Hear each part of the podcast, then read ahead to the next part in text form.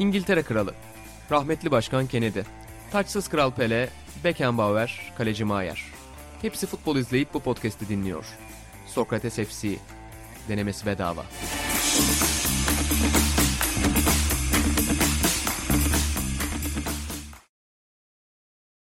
Sokrates FC'den herkese merhabalar. Ben İnan Özdemir, Burak Balaban ve Atan Altınordu ile birlikte gerçeklerin, sadece gerçeklerin konuşulduğu futbol podcast'imizin yeni bölümüyle karşınızdayız.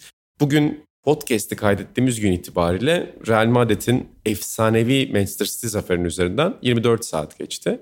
Aynı zamanda bu bizim halı saha takımımızın, dergi halı saha takımının Atan Altınordu ve arkadaşları karşısında aldığı efsanevi galibiyetten 24 saat sonrası demek. Bunlardan bir tanesi çok bahsedilmeye değer bir maç, bir tanesi bahsedilmeye hiç değer bir maç değil.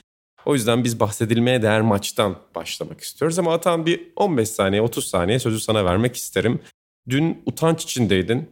Evet, benden birkaç kere özür diledin. Neler hissediyorsun? Yani 24 saat geçti neler hissediyorsun? Hissedecek bir şey yok. Çok kötü bir maçtı bizim adımıza gerçekten. Bir uçurumdu. Diyecek bir şey yok valla. Hiç konuşmaya bile gerek yok. Evet yani bir önceki podcastimizde ben biraz iddialı sözler söylemiştim. Arkadaşlarım bilenmişti. Sevgili Semih özellikle çok iddialı sözler sarf etmişti. Bakalım bu podcast'te de ben onlara tekrar bir motivasyon aracı olarak kullanmak istiyorum. Bir takım disiplininden yoksunluk gördüm ben saha içerisinde. Senin o taktiksel hamlelerin de takımı ileri çıkaran, geriye götüren taktiksel hamlelerin de bu anlamda işe yaramadı. Burak sen neler hissettin maçta? Ben maç önünden bir alıntı yapmak istiyorum. Atay'la el sıkıştık. Maç öncesi hafif bir sohbete giriştik ve şöyle bir sözü olmuştu Ata'nın. bu maçı bilmem ama bir sonraki maça biz favori çıkarız. Çok iyi hazırlandık şeklinde net yorumları oldu ama Ata'nın da söylediği gibi maçın gidişatı pek öyle olmadı. Neyse ki kameralı kaleye goller attık. Yani kameralı kaleye gol atmak benim için halı sahada artık temel motivasyon. Eşe dosta WhatsApp'ta video yollayabilmek adına. Güzel bir verkaçla golümü attım. O yüzden ben mutluyum açıkçası bu mücadeleden. Yani şey gerçekten hani kurtaracak hiçbir şey yok. Felaket bir maç ama yine de şundan bahsetmek isterim. Para verip aldığımız halı saha kalecisinin Kaleye gelen ilk altı şutun altısını da üstelik yani bacak arası var, pas hatası var. Yemesi de bir motivasyon unsuru olmadı bizim açımızdan. Yoksa maça 1-0 başlamıştık. Yani öne bile geçmiştik ama biraz o da düşürdü. Belki öyle olmasa daha çekişmeli bir maç olabilirdi. Sonunda yine yenilirdik. Daha bu takımın takım olma yolunda çok adımlar atması gerek. Ki artık Sokrates FC Orfos Team maçlarında Orfos Team adına da oynamayacağım. Bakalım. Şok bir açıklama. Şok bir ya bu şey değil. Kırgınlık değil. Ben kaldıramıyorum bu kadar. Benle ilgili ben biliyorsunuz hayattaki bütün hırsımı oyunlara kanalize etmiş biriyim. Benim için ızdıraptı o maçın yani 20. dakikasında benim için eziyet başladı. Kalan 40 dakikayı oynamamak için hayatımdan 40 ay verirdim ben. Oy Öyle. Atan senin şöyle bir cümlen vardı maçta seyircilerimizle paylaşmak isterim. Benim kanadındaydın tam orada. Ben sağ taraftaydım. Sen de sol taraftan Beni eleştirme herhalde. mi? Yok yok beni eleştirme değil. O da çok o, iyiydi. O ayrı bir pozisyon. O da çok iyiydi. İşte kime söylediğini hatırlamıyorum da abi ben herkese motive edici cümleler söylüyorum. Herkese güzel cümleler söylüyorum. Siz de bana güzel cümleler söyleyin. Beni eleştirmeyin dedin. O çok güzel bir yakarıştı. Biraz Ama daha en detaylı sevdiğim, da neyse evet. En sevdiğim bölüm şeydi abi. Bitsin bu işkence Allah'ım bitsin bu işkence diye kendi kendine söyleniyordun. Allah'ım Allah'ım bitsin bu işkence dememişimdir de yani. Bak net bağırıyordu abi aşırı güldüm ya. Ben orada top da geldi ayağıma arkadan bitsin bu işkence bitsin bu işkence. Nasıl bir şeydi. Ben katla şey yapamıyorum gerçekten kabullenemiyorum. Saha dışında Peki. çok iyiyim ama. Peki şöyle evet. bir felsefen var mıdır? Bazıları kaybetmez. Ya kazanırlar ya da öğrenirler. Sen öyle misindir? Yok değilim. Ben kaybettim dün. Hiçbir şey öğrenmedin dünden değil mi? Öğrenmedim. Hiçbir şey öğrenmedim dün. Sadece eziyet çektim. Yani çok kötüydük hepimiz. Çok kötüydük. Diğer taraftan yani iki saat sonra öyle bir Real Madrid Manchester City maçı bizi buldu ki her şeyi unuttuk. E, ama ondan öncesi de dergimizin reklamını da yapalım. Sokratesdergi.com'dan dergimizi almayı unutmasınlar. Okuyucularımız, dinleyicilerimiz, seyircilerimiz baskı merkez korttu. Dünün kahramanlarından Karim Benzema'nın kapakta olduğu, onun yanında çok özel dosyalarımızın, çok özel röportajlarımızın olduğu yeni sayımızı almayı unutmasınlar. Deyip maça geçelim. Yani Liverpool Villarreal'i de konuşacağız elbette. Villarreal'i de konuşacağız elbette ama temel başlangıç noktamız Real Madrid Manchester City maçı olacak. Burak sana atacağım pası önce sonra maça dair maçın kendisinden de ayrı konuşulacak çok güzel ilginç konular var ama temelde nasıl bir maç izledik onu sana sorayım öncelikle. İnan geçen hafta anlattıklarımızdan çok da farklı bir şey izlemedik sanki maçın akışı ve gidişatı olarak. Yani sen şunu söylemiştin. Vuruyorsan öldüğünden emin olman lazım Real Madrid diye. City yine vurdu ama öldüğünden emin değildi ve e, öldüğünüzden emin olmadığınızda Real Madrid bu sene üst üste iki turda gösterdiği gibi burada bir üçüncüsünde yine yaptı ve City'yi de 30'a düşürdü. Bence maçın en böyle City tarafında eyvah yani kara bulutlar geliyor dediğim an ilk golden sonra Manchester City'nin santrasıydı. Hani yıllardır sadece City için değil Guardiola'nın Barcelona yıllarından beraber alırsak eğer hani neredeyse 13-14 yıllık bir süreci kapsayalım. Hepsinde pas oyununu özümseyen, daha bugün kadar kabul görmemişken bir oyun sürekli geride o pasları yapmakta ısrar eden, asla uzun top atmamasıyla övünen, gururlanan bir yapının ilk gol yedikten sonra nasıl o telaşa kapıldığını, Santra'dan ta kalecilerine kadar yollayıp Ederson'un daha baskı gelmeden topu gelişi güzel bir şekilde işte taca doğru şişirmesiyle beraber aha dedim ben. Yani hemen bir puf var evde. Onun üzerine doğru geldim. Şöyle televizyona bir yaklaştım. Dedim şu birkaç dakika bir şeyler olacak gibi görünüyor ve sonrasında da zaten kendimizden geçtik. Çok güzel anlattın bu arada. Yani bir Kemal Belgin de ben merak ediyorum oralarda neler yaptı. Çünkü tecrübeli gazeteciler orada golün kokusunu alırlar zaten. Sen de golün kokusunu almışsın ya da Real Madrid'in dönüşünün kokusunu almışsın. Çok açık. Diğer taraftan Atan sen neler hissettin? Sen azılı bir Real Madrid ya da Manchester City taraftarı değilsin ama Şampiyonlar Ligi'nin senaryolarını seviyorsun gördüğüm kadarıyla. Bu gerçekçi olmayan ama her sene bizi ağına düşüren bu inanılmaz dramanın bir parçasıydın sen de seyirci olarak.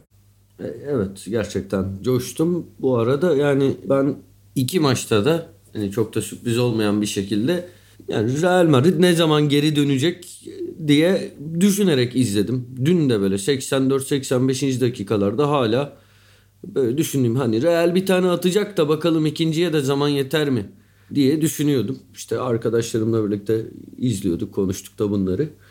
Burada yani şimdi iki takımın da taraftarı olmamakla birlikte Real Madrid'i çok net bir şekilde destekliyordum aslında bu eşleşmede. Oo. Çünkü e, ya hem hikayeli geldi bu kadar geri dönüşlü hem de şimdi Guardiola'yı ne kadar yani yüzde yüz takdir ediyorum. Çok takdir ediyorum ama daha önce burada defalarca konuştuğumuz üzere bu kadar mükemmel bir futbolu ben sevmiyorum. Yani ne kadar açığı varsa futbolun ne kadar çok uzatmayayım burayı hadi.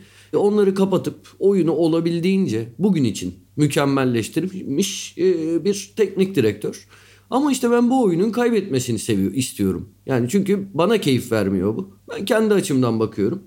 Benim hala futbolun hatalarla, böyle o telaşla, uzun toplarla, yeri geldiğinde böyle rakibin üstüne can avliyle çökmeyle güzelleştiğini düşünen bir hani futbola bakış açım var. E bunları Real Madrid'de daha çok gördüm. City'nin zaten benim mesela şey çok hoşuma gider. Nadiren olur ama Buğra da azıcık bahsetti. Dün de hani bu mest etti beni.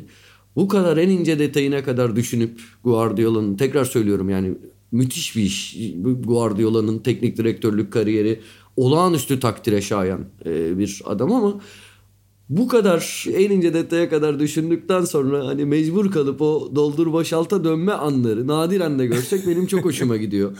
Hele ki o kadar kısa boylu oyuncularla bunu yapmaya çalışıyor olması gerçekten çok hoşuma gidiyor. Dün mest oldum maçı izlerken. Yo yani o söylediğin şeye katılırım. Ben şöyle düşünüyorum abi. Ben de mesela ya hiçbir zaman Guardiola'nın takımlarını tutmadım hayatımda. Bir Real Madrid taraftarı olduğum için zaten. Bir de Liverpool taraftarıyım. Guardiola hep benim rakip takımlarımın antrenörü oldu. Ama Guardiola takımlarının bir referans olması bence futbolu daha iyi hale getiriyor. Yani Kesin. Guardiola takımlarının oynadığı maçlar her zaman güzel olmuyor abi ama sen dedin ya yenilmesini istiyorum diye. Abi onların yenilmesini izlemek için ekran karşısında oturmak bile bence çok güzel bir motivasyon. NBA'de aynısı Golden State Warriors'ta da vardı. Yani Golden State Warriors'ın hegemonyası varken bir oyun fikri ortaya koyuyorlardı. Bunu podcast'ta daha önce de söylemiştim. Bence öyle bir oyun fikri olması ve diğerlerinin ona biraz böyle işte doldur boşaltla, biraz farklı fikirlerle, biraz Mourinho tipi oyunla, biraz Ancelotti tipi oyunla farklı antitezler geliştirmeye çalışmaları sporu çok daha eğlenceli hale getiriyor. Olağanüstü bir şeydi bende. Yani ben de NBA maçı için hazırlanıyordum işte. Tam uykuya gidecektim 86-87 gibi. Ama gözüm bir yandan da hep televizyondaydı. Yani o Mendy'nin çıkardığı top mesela çizgiden inanılmaz bir şey. Maçın kırılma anı zaten. Ama genel olarak hep şeyi düşünüyorsun. İşte 90'a doğru geliyor. Ya iki gol lazım ama olur mu olmaz mı? 6 dakika uzatma veriliyor. Ertem Şener söyledi zaten 6 dakikada buradan Madrid'e gidersiniz diye rasyonel bir bakış açısıydı o da. Hani öyle detaylara baktığında şey görüyorsun hep ya bu takım geri dönecek, bu takım geri dönecek ve bir noktadan sonra kendini gerçekleştiren kehanet gibi. Oyuncular bile inanmıyor buna. Yani maçtan sonra Ancelotti, Marcelo, Toni Kroos ya hepsi diyor ki sihirli bir şey var ama hiçbiri de açıklayamıyorlar bunun ne olduğunu. Taraftarlar da açıklayamıyor. Yani olağanüstü bir şey. Herhalde futbol tarihinde sadece Real Madrid'de özgü olan, bu kadar fazla sadece Real Madrid'de özgü olan olağanüstü bir geri dönüş yani. İnanamadım o Rodrigo'nun iki golünde ama herhalde o kafa golü uzun yıllar unutulmayacak gollerden biridir. Öyle değil mi Burak? Evet. Yüzde yüz bir de önden sekip gelen topa o kadar pürüzsüz bir kafa vurması ki hani eleştirildiği de bir dönemde aslında Rodrigo. Hatta işte İspanyol hesaplara falan biraz bakıyordum maç esnasında. Ya gol arıyorsun Rodrigo'yu mu sokuyorsun gibi bir tepki vardı Ancelotti'ye. Ya bu mu gol atacak gibilerinden ama dönüp dolaşıp onun iki golüyle dediğin gibi maçın dönmesi çok acayipti. Saha içi tarafında da Yine geçen hafta biraz onu konuşmuştuk. Merkezde biraz güç, biraz direnç eksiği yaşadığını Real Madrid'in. Burada Casemiro'nun dönüşü, işte 75'te onun yerine e, benzer görevi yerine getirebilecek Kamavinga'nın duruşu da bence orta sahadaki o net hakimiyetini ilk maçta gördüğümüz City'nin e, onların elinden aldı. Şey de tuhaf geldi bana. Yani insanlar böyle 3-4 dakikada şipşak hani City kaybetti. Maç boyu Real bir şey yapmadı gibi. Sanki biraz o anların büyüsüyle hatırlıyorlar ama aslında maç içerisinde de yani Vinicius'un ceza sahası içinde biraz böyle sakarlığına denk gelen çok pozisyon buldu bence Real Madrid. Yani daha erken de gelebilirdi gol. Böylesi çok daha keyifli, çok daha e, unutulmaz kıldı bizim için ama hani bir yandan da Real 88 dakika hiçbir şey yapmadığı anlatısı da bana çok sağlıklı gelmiyor. Yani isabetli şut çekmekte oldukça zorlandı. Evet. Aslında. Hani gol beklentisi Yani de. oraya kadar geldiler. Evet, evet onu şey, şey ekstra bir şey söylemeyeceğim. Aynen yani dediğine şeyden katılıyorum. O yüzden hani gol beklentisi üzerinden de bunu kanıtlamak mümkün değil ama hani maçı izlerken hatırlıyoruz Vinicius'un soldan girdiği, son anda böyle ayaklarına takıldığı 2-3 pozisyon. Ama sonrası acayip oldu. Son olarak da şeyi söyleyeyim. İnan dedin ya taraftarlar da, real taraftar da açıklayamıyor nasıl olduğunu diye. Ama onlar da açıklayamasalar da biliyorlar böyle bir şey olduğunu. Maç başında o kale arkasındaki pankartı görmüşsünüzdür. Avrupa'nın krallarından sihirli bir gece daha yazmışlardı. Dediğin gibi yani bir noktada bunun oraya bağlanacağına artık herkes inanıyordu. Bizler de inanıyorduk, onlar da inanıyordu ve sonunda da oldu. Ya bu Yani arada sen de hatırlattın. Ben atan sözünü kestim kusura bakma. Dünden beri, dün gece Öykü'ye de 754 kere krala ateş edeceksen öldüğünden emin olacaksın dedim. Sabah Erman'a da birkaç kere söyledim. WhatsApp'tan birkaç farklı gruba yazdım. Tweet atacaktım unuttum dün. Aslında çok güzel planlamıştım. bu tweet'i. atsana. Podcast bitince Ma- abi- at. Abi maç sonu atacaktım bak tam RT'yi de hazırlamışım. Yani kafamda da belli bir dedim ki ya bu yürür abi. Krala ateş edeceksen öldüğünden emin olacaksın. Çünkü baktım search'te de kimse yazmamış. Yargıdaki avukat Yekta karakterinin The Wire'daki Omar'dan uyarladığı söz o da. Atayım mı atayım mı diye unuttum. Sabah işte senin The Service'de olduğun o videonun mention'ı olarak Emre Özcan'a attım. O yüzden ben bu hafta birkaç yerde daha söylerim. Yani bu podcast'ı İnanın- birkaç kere bitirirken de söyleyeceğim. Krala ateş edeceksen öldüğünden emin olacaksın. İnan bak bir proje sana. Şu an bu tweet'i ortaya at. Mention olarak değil. Şu an belki anlamsız gelecek. O maçın hype'ı kaçtı. Ama bizim sosyal medya kullanmayı çok sevmeyen güzide dinleyicilerimiz ki en çok hoşuma giden özellikleri bu. Böyle bu konuya has böyle bir şey yapsınlar. istisnai bir durum yaratsınlar ve bunu podcast'te dinleyen herkes retweet etsin. Şu anda atılan tweet. Nasıl proje? Ya çok güzel proje abi. Yani NFT'si de yapılabilir aslında bu Twitter'ın. Ee, bu konuya ne diyorsun? Refik Anadolu sen ben. Bunun üzerine de NFT odak konusunda benim bir fikrim yok ama Sokrates derginin NFT sorumlusu dostumuz Armağan Ükünç podcast'imize bağlanıp bir gün belki bu konuda bize bilgi verebilir. Ama Atan güzel bir öneride bulundun ki mesela sen geçen hafta da ya öyle bir yönlendiriyorsun ki podcast dünyasını. Zaten sokakta önümü kesen insanlar sürekli FC ile ilgili konuştuklarında yani abi FC'yi dinliyoruz Atan abiye bayılıyoruz diyorlar. Hani ulan bari deseniz orada hepinizi çok seviyoruz falan diye. Yani senin bir dominasyonun olduğun çok açık artık bunu tartışmaya gerek yok. Asla asla kabul etmiyorum. Bu podcast'te... Yok şaka yapıyorum tabii ki. Ama geçen hafta dedin ki insanlara paylaşma paylaşma. İnsanlar ödev bildiler bunu. Bir kişi bile podcast'i paylaşmadı. Sen ben Buğra paylaştık podcast'te. Evet. Evet çok harika böyle devam. Böyle devam. Bu çağrıyı sürdürüyor musun ya? Bu hafta da kimse paylaşmasın mı podcast'te? Paylaşmaz şey yazıyorlar o çok komik. ya mesela yorum yazan abi kusura bakma hani şeyine uyamadım ama güzeldi falan diye paylaşma demiştin ama öyle şeyler Birkaç geldi. kişi öyle atmış. Bu hafta ben de Sencer'den bir rica ediyorum o zaman. Info yani, dis, yani tanım bölümüne bölümün. Kralı ateş edeceksen öldüğünden emin olacaksın. Konalı podcast bölüm yapsın. Bu haftaki e, konumuz da bu olsun kesinlikle. Bu arada sana bir şey daha soracaktım. Senin gittiğin final 2014 müydü Şampiyonlar Ligi finali? 2014 müydü? Sene herhalde 2014'tü işte bu Atletico Madrid finali Lizbon'da Sencer'le birlikte gittiğimiz. Sergio Ramos'un çevirdiği final o muydu? Bir dakika 2014 mi yılından şu an emin olamadım. Evet ya 2014'tü. Evet evet 2014'tü. Ramos işte öyle bir 90'da attı. Ne oldu? Tamam zaten öyle bir podcast yapıyoruz ki abi, yani Real Madrid nasıl çeviririn en canlı kanıtını sen gördün. Yerinde gördün yani. Gördüm. Gördüm gerçekten. Yani Sencer'le Gerçekten tarihi bir olay. Evet. Peki ben bir şey soracağım. Ayrı bir şey. Size bir soru. Şimdi tabii ki Ancelotti çok haklı gerekçelerle göklere çıkarılıyor. Anormal bir şey. Ama eğer ki hani oldu da o gol gelmedi. Gelmemesi gayet yüksek bir ihtimaldi. 90'da Real Madrid'in iki gol atması çok hala her şeye rağmen önceki geri dönüşlere rağmen mucize. Bu olmasaydı şey konuşulacak mıydı sence? Bayağı bence konuşulacaktı. Ya kardeşim gole ihtiyacın var. Sağ kanatta Valverde'yi 90 dakika oyunda tutuyorsun. Valverde ne yapıyor? Modric gole ihtiyacın var. Böyle yaratıcılığa ihtiyacın var. Modric'i çıkarıp Asensio'yu alıyorsun. Hani bunlar çok konuşulurdu gibi geliyor bana. Ne diyorsun buna? Ne diyorsunuz?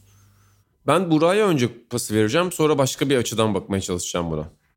Muhakkak hata olacaktır. İşte Guardiola'nın da değişikliklerinde bir şey bulunmaya çalışıldı. Hatta yanılmıyorsam Michael Cox yazmış bugün. Yani yapabileceğini yaptı. Yani yapabileceği değişiklikler buydu zaten. Gayet de iyi yaptı değişikliklerini.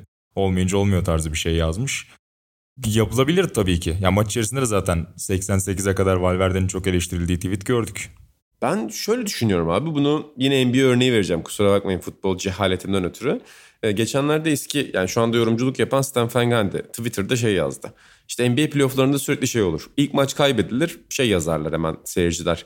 Ya ikinci maç öncesi koç hangi değişiklikleri yapacak? Yani adjustments, seriye adapte olmak, taktiksel değişiklikler yapmak. Stefan Gundy de şey dedi. Abi dedi hani kaybeden bir takımın koçunun değişikliklerini hiç övdüğünüz oldu mu dedi. Kaybeden bir takımın koçunu bu anlamda alkışladınız mı ya değişiklikleri yaptı. Ya sonuçta dedi ki siz aslında kazanan takımı övmek istiyorsunuz. Kazanan takım üzerinden de antrenörü övmek istiyorsunuz. Dolayısıyla aslında bir çelişki var ortada. Yani Ancelotti her şeyi yapabilirdi ve Rodrigo'nun o ikinci kafa golünde öndeki kafadan top onun üzerine sekmeyebilirdi. Yine Ancelotti yapabileceğini yapmış olurdu. Veya muhtemelen Guardiola yapabileceğini yapmıştır. Ben Manchester City'ye o kadar hakim değilim. Zaten Real Madrid'e hakim değilim. Ama Guardiola da belki yapabileceğinin en iyisini yapmıştır. Ama o Jack Grealish'in topunda top içeri girmedi işte. 3 sene önce Liverpool City şampiyonluk için oynarken Liverpool'un santimlerle top kaleye atamaması ya da City'nin çizgiden çıkarması gibi. Yani o satranç anlatısı çok oturmuyor benim de kafamda. Yani ben Ancelotti'yi çok seviyorum. Ama dün son 5 dakikada oyun dönerken bu Ancelotti'nin bir taktiksel dehası mı yoksa Ancelotti'nin bu takıma verdiği, aşıladığı özgüvenin sahadaki yansımalarından biri mi? Bunu ayırt etmek bence biraz zor. Benim kafamda tam oturmuyor satranç anlatısı. Yani şey bu seviyede teknik direktörlerin değişikliklerini eleştirmek yani gerçekten eleştirmek ama hani konuşursun arkadaş arasında sohbet edersin ya kardeşim atardı bu adam bu çıkar mı dersin On, ondan bahsetmiyorum ama ciddi bir şekilde özgüvenli bir yoldan bu değişiklikleri eleştirmek bana komik geliyor. Çünkü akla gelmeyecek bir milyar tane şeyin sonucunda yapılan değişiklikler bunlar. Hani daha alt seviye için dersin bunları. Mesela Türkiye'de falan konuşurken hani bu yorumlar yapılır bence. Ama bu seviyedekiler için bu yorumlar yapılmamalı diyorum. Abi ben onu da yapılabileceğini düşünüyorum. Ama bence saçma olan şey şu. Çok kolay bir yorumculuk türü bu. Yani kim oyuna girdiyse o gün maç kaybedildiğinde şunu diyebilirsin. Abi onu oyuna alırsan kaybedersin. Ya da oyuna girmeyen insanların ismini sayarak. Ya dünyanın en kolay işi. Türkiye'de zaten futbol yorumculuğunun bir kısmı böyle yapılıyor. Abi o oyuncu alınır mı diyor mesela maç kaybedilmiş ya da e, abi yedek kulübende senin böyle kaliteli bir oyuncu var almıyorsun diyor. Şimdi böyle bakarsan zaten bu dünyanın en kolay yorum. O yüzden Yani yedek değişiklikler, oyun planı değişimleri, eşleşme değişimleri falan filan bunların hepsi konuşulur da mesele bence biraz tutarlı olmak. Sadece kazandığı için mi bir antrenör övüyorsun yoksa o antrenörün ya da o takımın oyun planında farklı bir şey gördüğün için mi onu övüyorsun? Bu aradaki ayrım bana her zaman tutarlı gelmiyor. Yoksa herkes her şekilde eleştirilebilir ama senin dediğin şey şu pencereden doğru. Oyuncularla çalışan antrenörlerin, o oyuncularla bütün sene yaşayan insanların bilgisine ve karar mekanizmasına da belli ölçülerde saygı duymak gerekiyor tabii ki. Yani bence o belli ölçüler yüzde yüz. Tek senden ayrıldığım yer burası. Yüzde yüz mü diyorsun? Ha, yani öyle. Dünyada 5 kişi falan vardır. Ancelotti ya da Guardiola'nın yaptığı değişikliğin şey şunu düşünmedi o yüzden bunu yaptı diye eleştirebilecek. Öyle. Güvenç Kurtar var mı onların arasında? E, tabii ki Güvenç Kurtar bu ikisinin de hocası değil mi? Ders vermiştir Harvard olmayan Bu arada Güvenç yerde. Kurtar dün, o maç, dün maçı verir miydi Güvenç Kurtar? City önde. İk, ikram ederdi geliyor. bence. İk, ikram ederdi. Yani net Güvenç Kurtar takımı vermezdi dün maçı. Katılıyorum. İkram ederdi Buran derken. peki- Evet buyurun. Buyurun. Buğra, Buğra'dan peki başka edelim. ekleyeceğimiz bir şey var mı sence maça dair? Ya şu kesin konuşulmadı. Yani Rodrigo'dan bahsettik. Karim Benzema'nın penaltısı. Panenka atacak mı atmayacak mı gerilimi oldu. Zaten atan penaltı attığından beri futbol dünyasında bir penaltı gündemi var. Orada ben bir korktum. Allah'tan Panenka atmadı. Yani Panenka atsa biraz gerilirdim çünkü. Başka ekleyeceğin yani şu oyuncu çok iyi diyebileceğimiz bir şey var mı? Çünkü uzatmada zaten iki takımın da sahada kalan oyuncular çok oynayabilecek oyuncular gibi değildi. Evet birçoğu tükenmişti zaten söylediğin gibi. Şuradan kapatayım. Atan'ın az önce maç içi özelinde söylediği eleştiriyor ama genel resimden bakarsak da dün elense dahi Real Madrid bence Carlo Ancelotti o kadar eleştirilmeyecekti. Çünkü aslına bakarsan şu takımın yani işte Nacho'dan tut kenardan gelen Valeo'ya kadar Dani Ceballos dediğin oyuncu Arsenal'a kiralanmıştı geçen yıl. Hani evet belli bir kumaş gösterdi ama süper yıldız da değildi Arsenal'ın doğrusunu söylemek gerekirse. E, Kamavinga'nın yaşı belli. Kroos ve Modric'in ilerleyen yaşları yani tüm bunları bir arada değerlendirince ya şu Real Madrid'in Şampiyonlar Ligi'nde yarı finale gelmesi de zaten çok büyük bir işti. Ligi çok erkenden şampiyon olarak tamamlamayı garantilemesi de çok büyük işti. O yüzden zaten çok başarılı bir sezon geçirmiş olacaktı bence. City'ye elense de Real Madrid. Onun üzerine bu yani pastanın çileği oldu artık. Kapanışta şunu da söyleyeyim bu arada. Toni Kroos'un çok güzel bir açıklaması var. Videosu da çıkmış onun. Ancelotti uzatma dakikalarında Marcelo ile Kroos'u yanına çekip şeyi soruyor. Kime oyunu almayı soruyor. Yani sormuyor da konuşuyorlar. Yani sizce kime oyunu almalıyız? Fikirlerinizi bana iletir misiniz diye soruyor. Toni Kroos şey demiş. Ancelotti bizim görüşlerimizi sordu orada. O an zaten Ancelotti'nin neden bu takımla çok iyi çalıştığını ve neden bu takım için kusursuz bir koç olduğunu gösteriyor diye. Atan seni de seveceğini düşündüğüm bir anda açıkçası o. Yüzde Ben yüz. çok bir yandan alçak gönüllü bir yandan da bence gerçek liderlik o. Yani o özgüveni sergileyebilmek. Başkalarının fikirlerine değer veriyorsun. Diktatör olmak zorunda değilsin ama o fikirlere değer verdiğini o şekilde göstermek ve kameraların önünde bunu yapmaktan korkmamak bence müthiş bir cesaret. Yüzde yüz katılıyorum. Ekleyecek hiçbir şeyim yok. Benim de olağanüstü hoşuma gitti. Yani işte be- beni etkilemek şey gibi cümle kurmuyorum. Asıl teknik direktörlük bu işte falan demiyorum ama beni asıl etkileyen teknik direktör özelliği bu yani. Yok şeylerin dışında ya rakibi şöyle analiz etmiş. İşte bunların şöyle bir alan savunması yerleştirmiş, alanı böyle paylaştırmış. İşte şunun matematiğine şunları. Beni asıl etkileyen bu. Ancelotti'nin bu yaptığına benzer işler. Buradan güzel bir doğrudan demokrasi bağlantısıyla bir yazı da çıkabilirmiş hakikaten. Şey de demiş bu meşhur prolu fotoğrafıyla alakalı bir soru gelmiş. Görmüşsünüzdür onu da. Ee, Ha, iç, içmiyormuş İçmiyorum aslında. ben sigara demiş. Orada sadece arkadaşlarımın yanındaydım. Onlarla bir anı paylaştım demiş. Oyuncular benim arkadaşım demiş. O da yine az önceki konuya eklenilebilecek e, hoş bir dokunuş oldu Carlo'dan. Oo, Bağış abi de arkadaşım diye tanıtırdı insanlara. Ben çok şaşırmıştım bir kere birine beni arkadaşım diye tanıtmıştı. İşte, çok garip gelmişti. Ben. Oradan demokrasi bağlanır bak oradan. Ki, Bu arada Atan da tweet attığı için ben de şaka yaptığı için söyleyeyim. Maç kadar unutulmayacak. Yani maçta evet, bir ben gözümüzü de onu etkileyen soracaktım ya. Şeylerden Evet. biri var. Bir de kulaklarımızda bir bilinç akışı tekniğiyle bir maç anlatımı vardı. Ertem Şener ve Ömer Üründül'ün. Ee, herhalde bu maç kadar hatırlanacak ama Ya yorucu bir anlatım stiliydi. bir şey söyleyebilir miyim? Ben şeyden hoşlanıyorum.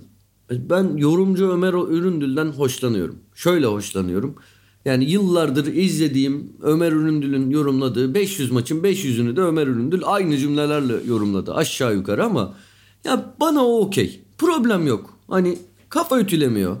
Ya şey gibi ya, rahat kahvedeki adam gibi böyle gayet güzel yorum yapıyor. Onunla ilgili benim en ufak problemim yok. Dediğim gibi hani çok zor bir iş yapmıyor ama hiçbir sıkıntısı yok benim açımdan.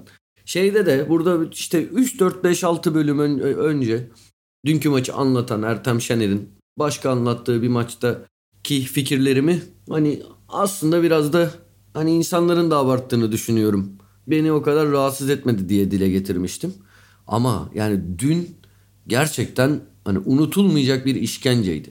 Yani insan 120 dakika boyunca aklına gelen her şeyi söylemez. Ya bak şey hoşuma gider gider benim. Şimdi işte o klasik muhabbet en klişene geliyor aklımıza. Evren'in 17 kardeşi var. Ya bunlar arada olsun güzel renktir. Hatta insanlar da sallasın. Ya ne gerek var buna desin falan. Bunlar renktir. Bundan yana sıkıntı yok. Dümdüz bir anlatımdan çok daha bence tercih edilir bir şey. Hani benim için. Arada böyle şeyler söylesin. Yok Casemino'nun dövmesi desin. Yok bilmem nenin. Ama ya bu adam öyle şeyler söylüyor ki hem uyduruyor. Olmayan şeyleri varmış gibi söylüyor. Hem abuk subuk yani. insan bir, her gördüğü şeye yorum yapmaz. Ya işte dün de yani konusu sahaya taşıyan şey sedye taşıyan adamları sedyecileri görüp onlara çok şey borçluyuz demek artık yani burada bir akla mantığa aykırı bir durum ortaya çıkıyor ve bunun maç boyu olduğunu düşününce yok Guardiola işte şu an şunu düşünüyor. City'liler böyle düşünüyor. İşte o buna bilmem ne demiştir.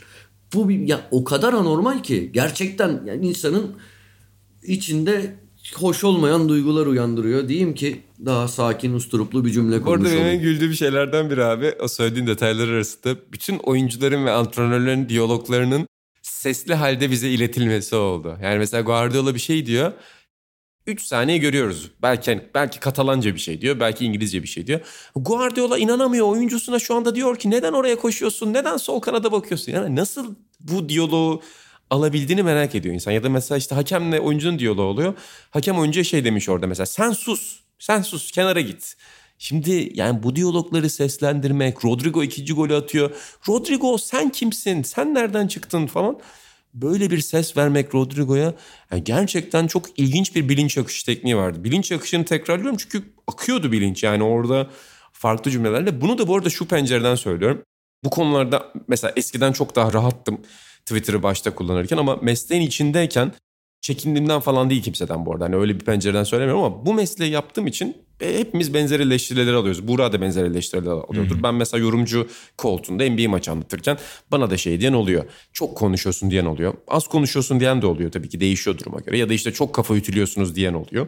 O yüzden başkalarını eleştirirken de dikkatli olmaya çalışıyorum. Çünkü yaptığın iş ve sen de aynı tuzağa düşüyor olabilirsin. Sen de belki başka insanların spor izleme zevkini elinden alıyorsundur. Dolayısıyla ben daha çok bir spor izleyicisi penceresinden bakıyorum. Çok zor bir deneyimdi. Yani komik bir deneyimdi birden ama bir yandan da insan şunu düşünüyor. Yani böyle bir maçın çıkışında o gün Türkiye'de Twitter'da da Eksi Sözlük'te en çok konuşulan ikinci şeyin spiker olmaması sanki daha iyi olur aslında. Yani bu bile başlı başına her şeyi gösteriyor. Bu kadar çok öne çıkmak, maçın bu kadar özel bir maçın bile önüne geçebilmek bu biraz benim kırmızı çizgimin çok ötesinde bir durum açıkçası. İzleyici olarak gerçekten spikerliği falan bırakıyorum. Yorumcu olmayı da bırakıyorum. Çok ama çok rahatsız oldum. %100 katılıyorum ben. Ekleyeceğim bir şey yok. İkinize de sonsuz katılıyorum. Ya şeyler olurdu. Eski dergilerde, spor dergilerinde maçların böyle fotoromanı diye fotoğrafların üstüne böyle abuk subuk diyaloglar yazarlardı bu arada. Bilmem hatırlar ha, mısınız? Evet, evet, evet. Abuk evet, subuk abi, ama hatırlıyorum yani. Ya. Yani onları yaşadık. İşte öyle. Abi bu arada aklıma bir şey geldi. Yani yine sözünü kestim ama ben küçükken PES oynarken ya da işte FIFA oynarken komşularda büyük abilerle oynuyorduk. İşte Zafer abi ve arkadaşlarıyla oynuyorduk. Bazen onlara böyle spiker ya da yorumculuk gibi şeyler yapıyordum. Çok böyle futbolu falan takip ettiğim için. Abi o kadar kafa ütüledim ki bir gün. Böyle bir turnuva yapılıyordu. Böyle 8 ya da 9 maç oynanmış ve uzun uzun maçlar. Bir yerde Henrik Larsson'un çok iyi hatırlıyorum. Henrik Larsson o yıl evlenmiş miydi, çocuğu mu olmuştu? O haberi okumuş tamam mı? Şey anlatıyorum. Henrik Larsson da bu yıl işte evlendi, çocuğu oldu. Şu bilmem ne falan. Galiba oradaki abilerden biri değil. İsmini şu an hangi abimiz olduğunu hatırlamıyorum. Şey dedi ya kardeşim bir sus ya yeter dedi yani. Hani yeter artık dedi ki 13-14 yaşındaydım. Dün o Henrik Larsson tepkisini çok iyi anladım. Yani kendisinden de buradan yıllar sonra özür dilemek istiyorum. Muhtemelen mesleki olarak aldığım en büyük tavsiyelerden biriymiş. Şu an onu fark ettim. Bir ortak yönümüz daha ortaya çıktı inan. Henrik Larsson mu? İlk ortak yönümüzde olabilir bilmiyorum ama yok Henrik Larsson değil. Ben de lisede bir PlayStation turnuvası öyle anlatmıştım. Zevkli bir deneyimdi ya güzeldi. Evet, evet bayağı keyifli. Peki Türkiye'ye döneceğim ama Liverpool Villarreal'e dair ekleyeceğimiz şeyler var mı? Yani bekleyeceğimizden, beklediğimizden çok daha heyecanlı bir maç oldu açıkçası. Yani tur bitti gözüyle bakıyorduk biraz ama Buğra neler düşünüyorsun? Evet bir 60 dakika bitmediğine inandık. E, hatta Atan'ın Yozgat'a koşma cümleleri aklımda anında yankılandı. Takdir edersiniz ki. Bir benzerini geçen sezon mu yaşamıştık? Bir öncekinde mi? E, ama yok yani devredeki o Diaz değişikliğiyle birlikte her şey değişti. Diaz'ı izlerken sene içerisinde birkaç maçta yani ilk günlerine itibaren çok etkileyici bir profil çiziyor zaten ama bazı maçlarda acaba evet yani adam eksiltme konusunda çok büyük bir mahareti var topla şahane ama yeri geldiğinde de o bitirme sorunları acaba takımın ritmini bozma noktasına gelir mi diye çok düşünüyordum. Dün de Villarreal Liverpool maçını izlerken de daha doğrusu ilk bir iki topla buluştuğu anda benzerini düşündüm ama sonrasında onları çok rahat çözebilecek, ekarte edebilecek yeteneğe sahip olduğunu gösteriyor. Ve maçın da seyrini tamamen değiştirdi zaten. Sadece attığı golle değil, Liverpool'un çok daha oyuna hükmeden, çok daha kontrol eline alan bir yapıya kavuşmasını sağladı. Liverpool'un zaten sadece bu maç özelinde değil, gerek Premier Lig'de gerekse de Şampiyonlar Ligi'nde gidişatını değiştirdi belki de. Sezonun seyrini değiştirdi Diaz eklemesi. E, maçın yıldızıydı bana kalırsa girdikten sonra. Atan sen neler düşünüyorsun Liverpool Villarreal'de? Yani sen Villarreal'in bir noktada geçebileceğine inandın mı? Gerçi 2-0 olduktan sonra herkes inanır yani. Orada yeniden başladı tur ama Liverpool yine de çok olgun bir şekilde bitirdi ikinci yarıyı. Yok inanmadım açıkçası yani. Çok fazla ihtimal vermedim. Ciddi bir güç farkı var arada ama tabii ki takdir ettim. Yani bir kere maça o hızlı başlangıç. Ya biraz işte Rulli'nin hatasının kurbanı oldu bir ara Yani sonuca bakıldığında. Ama o olmasa başka bir yerden yani bu kadar güç farkının çıkmasını beklerdim. Hani imkansız demiyorum ama hani beklerdim Liverpool'un bir şekilde. Zaten önceki ilk maçın avantajı var. Öyle. Yani ben açıkçası öyle tur gidiyor Liverpool açısından diye bakmadım. Peki kim Şampiyonlar Ligi şampiyon olur? Hiç bilmiyorum ya. O maç şey yani hiç bilmiyorum. Yani tam ortada bir, bir, bir maç. Bir tahmin bence. yap. Bilene Socrates FC ekibi olarak bir hediye verelim kendi aramızda. Benim tahminim bir bil ha, şey mi? Yok senin tahminin niye bilmeye çalışalım? Hayır. Skor hayır, tahmini yapalım. Yok, yok, skoru, öyle. skoru bilene. O şekilde değerlendirdin. Sallarız ya ne olacak? Ben diyorum ki 3-1 Liverpool. Hatta senaryoyu da çiziyorum size. 2-0 Liverpool öne geçiyor. Real Madrid atıyor. 2-1 Herkes sonra... Liverpool, aynen Real geri döner sanarken Liverpool 3'ü atıyor ve Şampiyonlar Ligi şampiyonu oluyor. Bu bana çok mantıklı bir senaryo geldi abi. Ben de ben de 3-1 diyorum. Oyunu bozuyorum ama çok çok mantıklı geldi bana. Sen söylemesen ben 3-1 derdim. Burak sende var mı tahmin? Salladık şu anda bu arada. Yani daha sonra tabii daha detaylı konuşuruz şu anda. Yo bence böyle olacak. Çok net. Herkes görebilir bunu. İzlemeye yani çok bariz. Kalmaz. Bariz. Tam olarak böyle olacak. 2-0 Liverpool. Böyle %100 böyle diyoruz o zaman. 70-80 gibi Benzema Benzema'nın içinde olduğu bir gol. Belki pas verir, belki gol atar. Sonra böyle tam Real Madrid cümbür cemaat gitmişken böyle sonlara doğru Salah, Mane böyle bir şeyler yapacak 3-1. Yani çok çok bariz ya. Bunu göremeyen zaten futbolu izlemesin de konuşmasın da. Ben 3-1 bitmezse zaten bir daha da Sokrates FC yapmayalım diyorum bu noktadan sonra. Kesinlikle. Evet son bölüm bu 3-1 bitmezse. Hadi bakalım Hodri Meydan. 28 Mayıs'tan sonra son bölüm olacak yani. Nasıl yani? E, evet doğru doğru. Yani finalden Haklısın. sonra finalden sonra seyircilerimiz bakar 3-1 bitmezse biz ona göre tasarruf... Ne demek abi 3-1 bitmezse? Tabii ki 3-1 bitecek ya. Şu valla şey kipi bile şart kipi mi oluyor bu? bu o bile çok gereksiz. Buğra sen ne diyorsun? Başka bir şey söylüyorsan sen zaten 28 Mayıs'a kadar podcast'e katılma. Bu baskıya karşı koymak çok zor ama ben 2-0 diyeceğim. Sanırım son bölümüm. Kimlerle? Ee, benim Kimlerle podcast yapıyoruz ya? Of. Liverpool mu peki? Liverpool diyeceğim. Ama istediğim senaryo yani hiçbir zaman Real Madrid taraftarı olmadı ama şu sezonun gidişatı ve Benzema'nın Paris'te çıkıp o şampiyonluğu alması bence muazzam bir son olur. Ama bana da Liverpool daha sağlam, daha az hata yapan takım gibi Salah görünüyor. ne yapsın? Şampiyonlar Ligi finalinin Mısır'da oynanmasını mı beklesin adam? O da hak ediyor. Yo, öyle yo, bakarsan. şey hak etmek olarak değil. Sadece Benzema'nın ülkesinde yaşadığı o sorunlar. E, tamam Salah ne yapsın? O oynayamaz ülkesinde. E, tamam.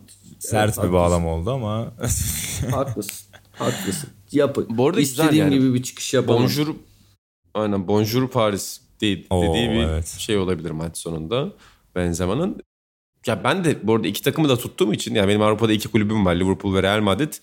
Bir önceki final tatsız olmuştu gerçi. Sergio Ramos'un Salah müdahalesiyle maçın başındaki. Beraberlik. Ramos'u da severim.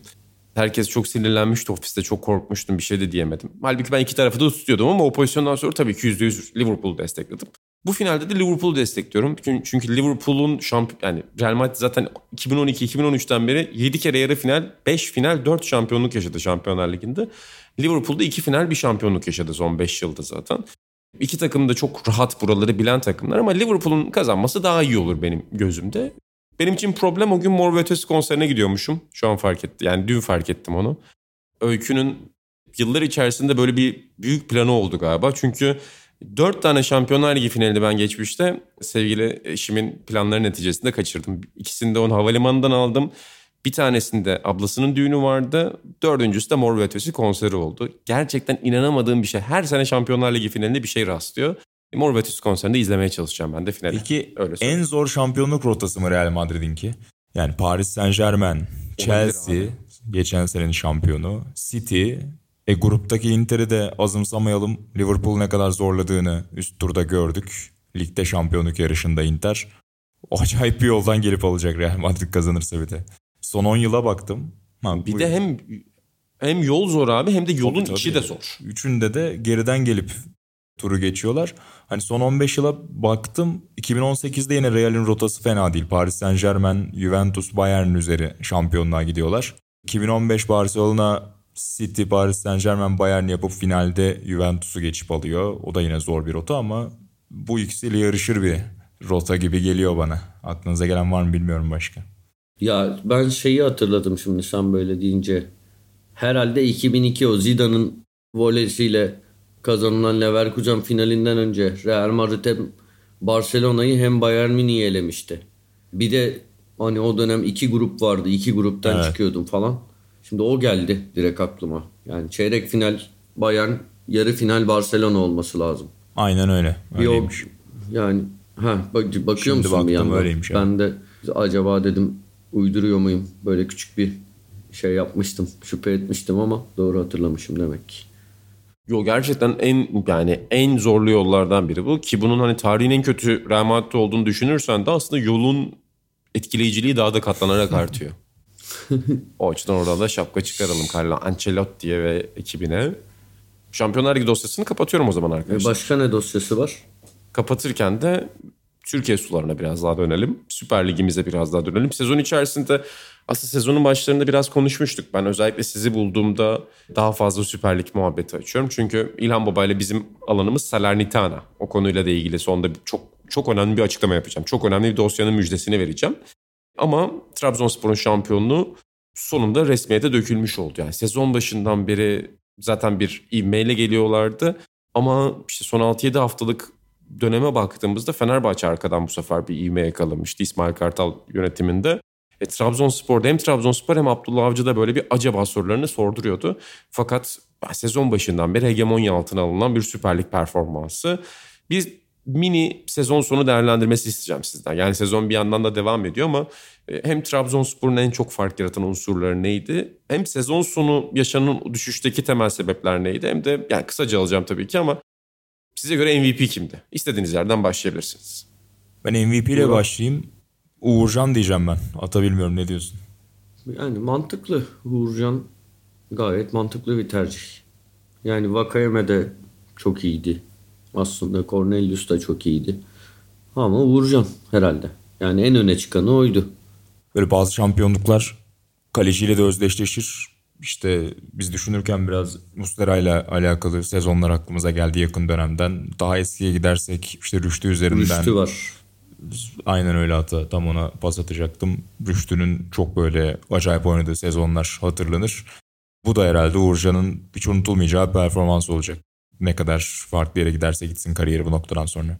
Ki bazen onu yani seyirciler mesela bazen onu farklı bir açıdan yorumlamayı seçiyorlar. Hani kaleci en değerli oyuncu seçildiğinde hani sanki takım kalecinin sırtında şampiyonluk kazanmış gibi bir algı oluyor ama halbuki sen çok doğru söyledin. Mustera o kadar çok Galatasaray şampiyonluğunda baş rol karakterdi ki e, aslında yani Süper Lig'deki en büyük başarı formüllerinden biri de bu. Bunu çok net biliyoruz yani. Her ligde böyle zaten Süper Lig bir istisna değil yani onu öylesine söyledim. %100 öyle. Bir diğer güçlük anında bence Trabzon'un dedin ya şampiyonu getiren ana faktörler neydi? Bir diğeri de tabii ki derinlikti. Yani yarıştaki takımlara ya da kağıt üzerinde yarışta olmasını beklediğin üç büyükleri dik hesaba katarsak eğer özellikle hücum tarafında en derin kadro Trabzon'daydı açık ara ve onun da avantajını kullandılar. Yani şöyle bir sayalım işte Bakasetas'tan başla Abdülkadir'e git devre arasında gelen Visca'yı ekle işte Vakayeme'yi Cornelius zaten söyledik. Canini, Cer yani çok fazla oyuncu işin içindeydi. Hani belli oyuncuların tıkanıklığıyla sorun yaşayacak bir kadro değildi. Onu da gayet iyi kullandı Abdullah Avcı sezon boyunca. Hem yerli iskelet hem de yabancı transferler orada fark yarattı herhalde değil mi? Kesinlikle. Ya şimdi bu arada şey de yaptılar son dönemde. Yani çok sayıda yetenekli, potansiyelli oyuncuyu da kadroya kattılar. Doğru bir yönetimle hani gerçekten bu kadro istikrar sağlayabilecek, önümüzdeki yıllara da etki edebilecek bir kadro gibi görünüyor. Tabii finansal ama, tarafını göreceğiz. Ama tabii şeyden sonra da evet yani bu kadar uzun seneler şampiyon olmayan bir camia için tabii bir beklemek lazım.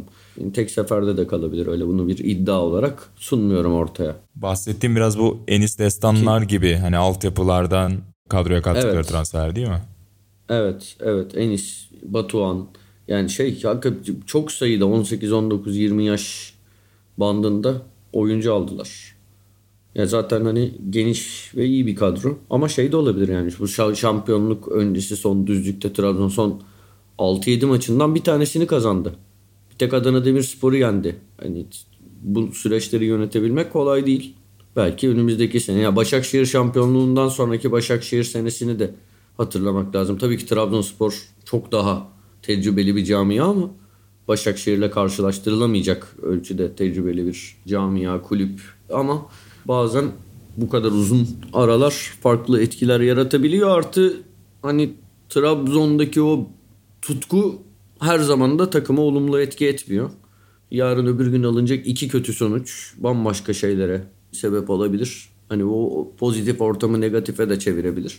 O yüzden her şey olabilir. Temkinli konuşmak gerekiyor tabii ki. Bir de geçen sene Beşiktaş'ın şampiyonundan sonra da bu sene Beşiktaş herkes bekliyordu. Benzer bir ne diyelim sezon başına düşülebilecek benzer bir tuzak konusunda sen önceden bir şey yapmış oluyorsun. Peki şu da var değil mi? Hani mali olarak artık Türkiye'de şampiyon olmak maalesef o kadar değerli bir para getirmiyor size. Çünkü TL cinsinden çok büyük bir para kazanıyorsunuz ama totalde eğer Şampiyonlar Ligi gruplarına kalamazsanız çok da büyük bir para olmuyor. Ama şey oldu şimdi Rus takımlarının devre dışı kalmasıyla Trabzonspor direkt playoff'tan girme hakkı kazandı. Şampiyonlar Ligi'ne gidebil gitme hmm. ihtimali arttı Trabzonspor'un. Yani tabii ki yine zor büyük, bir... O çok büyük bir fark yaratır herhalde değil mi? Yani gelecek sezon Şampiyonlar Ligi'ne katılan bir Türk takımı gerçekten diğerlerine göre inanılmaz bir avantaj yakalamış olacak. Tabii rotasyon, takvim bütün bunlar zorlaşıyor. Belki Süper Lig'de başarı kazanman biraz daha zorlaşacak. Hiç oralara gitmeyen takımlara karşı, daha takım ve rahat takımlara karşı. Ama mali açıdan da çok büyük bir fırsat demek bir anda. Evet kesinlikle. Oyun anlamında peki yani son 6 haftada ki yani inanılmaz bir düşüş mü yoksa sizce şampiyonluk gerilimi içerisinde bu biraz da normal mi bu kadar senenin? Ya hem gerilim olabilir hem rehavet olabilir. Hani onun psikolojik testini yapmak mümkün değil ama bir yandan şunu hani söyleme Trabzonspor hani güçlü bir takım kadrosu iyi sezonun hele ki ilk yarısını anormal başarılı geçirdiler. Ama oyun olarak şey de ya bu takım işte şampiyon takım çok iyi oynuyor. Vura vura geliyor. Görüntüsü de yaratmadı bende. Hani şey pragmatist bir oyunla kazandılar. Hani bu başarıya kulp takan bir şey söylemiyorum. Onu doğru anlatabildim diye umuyorum. Ama yani mest etmedi beni Trabzonspor. Daha zaten sezon başında da en çok konuşulan istatistikler şeydi onlar nezdinde. Hani bulduğu fırsatları çok iyi değerlendiren biraz işte kaliteli ayaklar ve kaliteli bir hücum herhalde planına sahip olmasıyla alakalı. Yani sonuçta o da bir takım anlamında aslında taktiksel planın parçası olabilir. Yani iyi pozisyon bulursun. O pozisyonda doğru isimlerle buluşturduğun zaman neticede gol beklentisi farkı sezon başında çok konuşuluyordu mesela. Ya hatırlamıyorum hani o zaman ne konuşuluyordu ama böyle sezon içinde ya Trabzon'da süper oynuyor dediğim çok az maç geliyor aklıma. Hani düşündüğümde. Ben hatırlıyorum inan teşhisin de doğru. Yani benzeme üzerinden de mesela bu konuşuluyor. Çok daha düşük bir gol beklentisinden acayip verimli bir üretim sağladı bu sezon. E bu da işte başarıyı yaratan unsurların başında geliyor bu tür sezonlarda. E, Trabzon'da evet belki takım kurgusu olarak o gol beklentisini aşağı seviyeleri çekmedi ama ön tarafta hakikaten çok becerikli oyuncuları vardı ve sezonu da gayet iyi geçirdiler. Hal böyle olunca da ciddi bir üretkenlik sorunu yaşamadılar. Peki Avcı'ya ne diyorsunuz? Kapanışı da onunla yapsak. Trabzon tarafında konuştuk ama hani bir şampiyonluk kazanmış olması hı hı. Sizi sevindiriyor mu? Çünkü biraz böyle son birkaç yılda polarize eden bir karaktere de dönüştü sanki. Yani çok sevmeyen de var gördüğüm kadarıyla hocayı. Bir yandan çok takdir eden de var. Ben biraz daha olumlu tarafındayım. Yani o işte bazı açıklamaları, antipatik göründüğü yerleri hepsine kabulüm ama Türkiye'de belli şeyleri kabul ettirebilmek çok kolay değil. Bazı o büyük figürlerden biri değilseniz eğer. Diğer hocaların çok fazla o rüzgarın içinde savrulduğunu gördük yıllar içerisinde ama Avcı en azından hep planına sadık kaldı.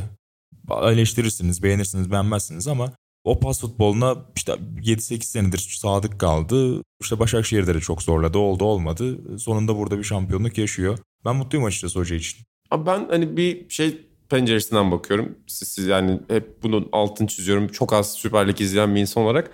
Türk futbolunda kavramsal çerçeve içerisinde yani sadece hani kullandığı kelimeler ya da işte futbol üzerine insanlara söylediği ya bakın şuraya da bakabilirsiniz bu maçı değerlendirir. Hatta biraz bazen sinirleniyor basit toplantılarında. Bazen de gereksiz sinirlendiğini düşünüyorum ama hani en azından şuraya bakabilirsiniz maçı değerlendirirken şu soruyu soruyorsunuz ama bakın o soruyu sorduğunuz konunun şöyle de işte nedenleri var. Başta konuştuğumuz konu Hatan'ın bahsettiği konuya da biraz bence denk düşüyor ama bu konularda kavramsal çerçeveyi genişletmesi bence güzeldi. Çünkü Türk futbolunun tabii ki bir dili var. Yani hiçbir şey yokmuş gibi davranmak çok saçma. Türk futbolunun büyük antrenörlerinin getirdiği çok fazla yenilik, çok fazla terim var. Bu konuda burada biz genelde geyik konuşuyoruz ama program içerisinde konuştuğumuz aslında kullandığımız terimlerin birçoğunun içinde de onların emekleri var tabii ki.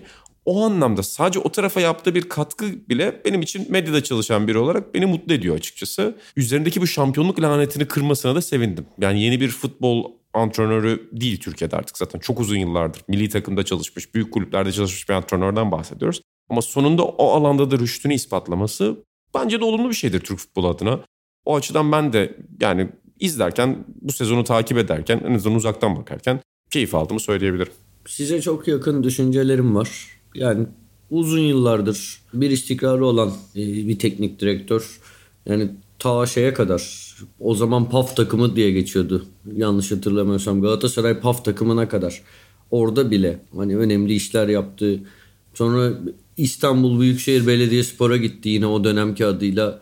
Hani orayı işte şey denir ya futbol haritasına soktu diye. Tabii ki hani bu kulüplerin hani şey İstanbul Büyükşehir Belediyespor'un hani başka destekleri falan da var. O ayrı bir şey ama orada Abdullah Avcı çok başarılı bir iş yaptı. Önce şeylerle büyük takımlarda ben büyük takım tabirini sevmiyorum. Yalnız söyledim. Hani daha iddialı takımlarda artık tutunamamış, düşmüş oyuncularla orada bir yapı kurdu. Or aradan genç oyuncuları çıkardı. Sonra işte Beşiktaş'ta belki bazı farklı süreçleri yönetmeyi daha yani bu konuda tecrübe kazandı. Mesela bu sene de Trabzonspor'un kriz sonuç olarak değil de mesela şeyi hatırlıyorum daha sezon başlarında Abdülkadir Ömür bir maçtan sonra ıslıklanmıştı. Hani çok da beklenen yere gidemiyor gibiydi. Bence çok güzel sahip çıktı. Düşüş anlarında ufak tefek bence yine hani doğru demeçler verdi. Daha önceki süreçlerde bazen kendini çok istediği şekilde ifade edemediğini düşünüyordum. Bu sene onları yapmadı. Şey bu başarının hani bu istikrarlı gidişin sonunda şampiyonluk olmasını hak ettiğini düşünüyorum Abdullah Avcı'nın. Evet o bas- ya ba- gerçekten basın toplantıları eğlence oluyor. Yani iki anlamda da eğlenceli oluyor. Sen de bahsettin o mesela sahip çıktığı basın toplantıları ama ben şeye hakikaten bayılıyorum. Yani soru geldiğinde bakın arkadaşlar bazen böyle di- dişlerini evet yani şey sıktığını hissediyorsun. Bu bu sene daha sakindi. çok komik Öncesinde oldu. böyle pasif agresif tutumlarını görüyordum. Ee, zaman zaman Abdullah Avcı'nın. Ya çok da üstünde durmuyordu açıkçası bana hani biraz şey geliyordu komik geliyordu zaman zaman. Hani bu, sene her anlamda iyi bir süreç yönetimi yaptığını düşünüyorum. Bir de senin söylediğin gibi. Tabii bu arada yani böyle kulübün- söylüyorum. Çok özür dilerim. Lafını bölüyorum kendimi doğru ifade etmek için. Hani bana komik geliyordu falan derken e, aç, açıkçası biraz da işin şakasındayım. Yoksa hani bu adamlara o kadar yani çok büyük bir baskı altındalar ve o kadar saçma sapan şeyler söyleniyor ki en basitinden Abdullah Avcı'nın söylemediği bir söz saçma sapan bir çıkışın ve onun ardından daha da saçma bir yansıtma biçiminin sonucunda hala insanların aklında öyle kaldı. Yok kimyasını bozdu bilmem ne falan filan. Yani bu adamların durdukları bulundukları ortam ve bunun etrafında konuşulan şeyler gerçekten insanın dengesini bozar. Yani öyle Gerçekten bir küçümseme şeklinde abi. söylemedim sustum. Yani sen dedin yani kulüplerin iddiası büyüdükçe. Bir de kulübün iddiası büyüdükçe en küçük kulüpte bile bu oluyor abi. Şeyi çok iyi biliyoruz. Yani her yöneticinin bir başka amacı oluyor orada. Bunu işte Beşiktaş'ta da eminim Trabzon'da da daha önceki kulüplerine göre daha fazla yaşamıştır. Yöneticinin tuttuğu oyuncu oluyor. Yöneticinin tuttuğu asistan koç oluyor. Hani kafasında onun favorisi oluyor. Öbür yönetici başka birini seviyor. Öbürü diyor ki benim çocuk niye oynamıyor? O diyor ki benim çocuk niye oynamıyor? Antrenmanla çevresine menajerler geliyor. Uçağa öbür menajer biniyor. Hani bunu sportif direktörler de hep söylerler. Yani Türk futbolunu bu saçma süreçlerden azade bir şekilde değerlendirmek çok zor. Bizim için kolay çünkü biz sadece sahayı görüyoruz. Ama bu antrenörlerin esasında mesai verdikleri alanın büyük bir çoğunluğu o taraf. Orayı yönetirken de çoğu antrenörün çok daha sert ve otoriter olduğunu görüyoruz. Yani Türkiye'de başarı kazanan antrenör ekolüne baktığımızda genelde zaten benzer tipte bir antrenör ekolü var. Daha otoriter antrenör ekolü. Abdullah Avcı oradan biraz daha sakin bir figür olmasıyla ayrılıyor. Bu açıdan da güzel, bu açıdan da değerli. Yani Okan Buruk da mesela o anlamda değerliydi. Dileriz bundan sonraki kariyeri de değerli olur. Ve onun için çok daha güzel fırsatlar önüne çıkar. E, Dolayısıyla farklı tonda konuşan yeni yüzlerin daha da başarılı bir şekilde Türk futbolunda öne çıkıyor olması. Mesela Nuri Şahin şimdi bu sezonun sonunda çok konuşuldu. Çok güzel olacaktır. Yani Türk futbolu için muhtemelen çok gö- güzel gelişmelerdir bunlar. Ya Nuri Şahin heyecanlandırıyor gerçekten. Şey falan da ya mesela son Trabzonspor maçında şey yönünü de gördük. Hani bir mesela gerginliği yönetebildi. O gerginliğin içine girdi. Hani bir yani giderek ağırlık kazanıyor. Türk futbolunda bunlar önemli. Hani biliyorsunuz pek çok anda e, belirleyici dokunuşlara yani bunlarla cümleyi kuramadım da anla, anlatabildim diye düşünüyorum. Çok- Cümlenin çok güzel anlattın. bir türlü otur, oturmadı. Bu seyirci seni anladı. Şu kadroyla FC şu ka- seni anladı. dinleyicilerimiz diye düzeltmiyorum artık. Ee, alıştık. Şey bu kadroyla yakaladığı istikrar yani son 8-10 maçlık performans hakikaten akıl alır gibi değil. Çok heyecanlandırıyor Nuri Şahin.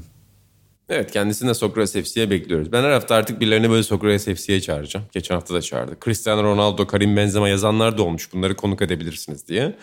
Dileriz konuk olurlar. Ee, Nuri Şahin daha gerçekçi bir hedef olabilir bizim için. FC ailesi olarak Abdullah Avcı ve Trabzonspor'da kutlayalım. Real Madrid, Ancelotti, Jurgen Klopp ve Liverpool'da kutlayalım. Bitirirken de şu müjdeyi verelim. Sizlerin de heyecanlandığını biliyorum bu projeden. Atan şu an tir tir titriyor ama İlhan Özgen neden iki hafta üst üste yok diye soranlar olmuştur. E, Kendisi şu anda Salernitana'da. Salerno'da daha doğrusu ve e, İtalya Ligi'nin bu en civcivli döneminin sonunda kulübün yaptığı atılımı çok yakından takip etmek üzere yerine gitti. Futbolu futbolun olduğu yerde, futbolun beşinde izlemeye karar verdi. Venezia, Genova, Cagliari geçen Salernitana'yı takipte. Burak sen konuşuyorsun babayla galiba. Keyfi yerindedir herhalde. Evet, e, esnafın nabzını tutuyor öncelikle. Onlarla yaşıyor bu süreci. Dediğin gibi sene başından beri ligin de- dibindelerdi ama son 5 maçın 4'ünü kazandılar. Birinde berabere kaldılar ve sonunda dipteki üçlünün üzerine çıkmayı başardılar. Nedenini, nasılını hepsini anlatacak İlhan tüm detaylarıyla, tüm çıplaklığıyla. Evet yani çok sır vermek istemiyor nerede olduğuna dair ama Salerno'da mutlu. Görüntülü analiz için veri topluyor, görüntü topluyor. Gelecek FC'lerde bu konuyu da açacağız. Salerno dosyasını da açacağız. Ekleyeceğiniz bir şey yoksa kapatıyoruz. Süremizi açtık ama gündem çok yoğundu. Bu gündeme de bu uzunlukta program yakışır dedik. Evet sessizliğiniz zaten asaletinizi ve ekleyecek bir şeyiniz olmamasını anlatıyor. Ya bu sessizlik uzadıkça inan buradan nasıl toparlayacak diye bir merak içine girdim. Bu sessizliğin uzamasını istedim. Güzel. İnce bir keyif Tebrik verdi o ederim. sürece evet. Güzel güzel döndün. Çok teşekkür ederim. Sadece gerçeklerin konuşulduğu, ya kazandığınız ya da öğrendiğiniz futbolcuların yer aldığı, programcıların yer aldığı Sokrates FC'nin bir bölümü daha sona erdi. Ben İnan Özdemir, Burak Balaban ve Atan Altınordu'yla farklı gündemlere gittik. Evden kayıt yapıyorum. Komşuları da rahatsız ettim biraz bağıra bağıra ama yeni bölümlerde görüşmek üzere diyelim efendim. Hoşçakalın ve elveda. Hoşçakalın. Elveda.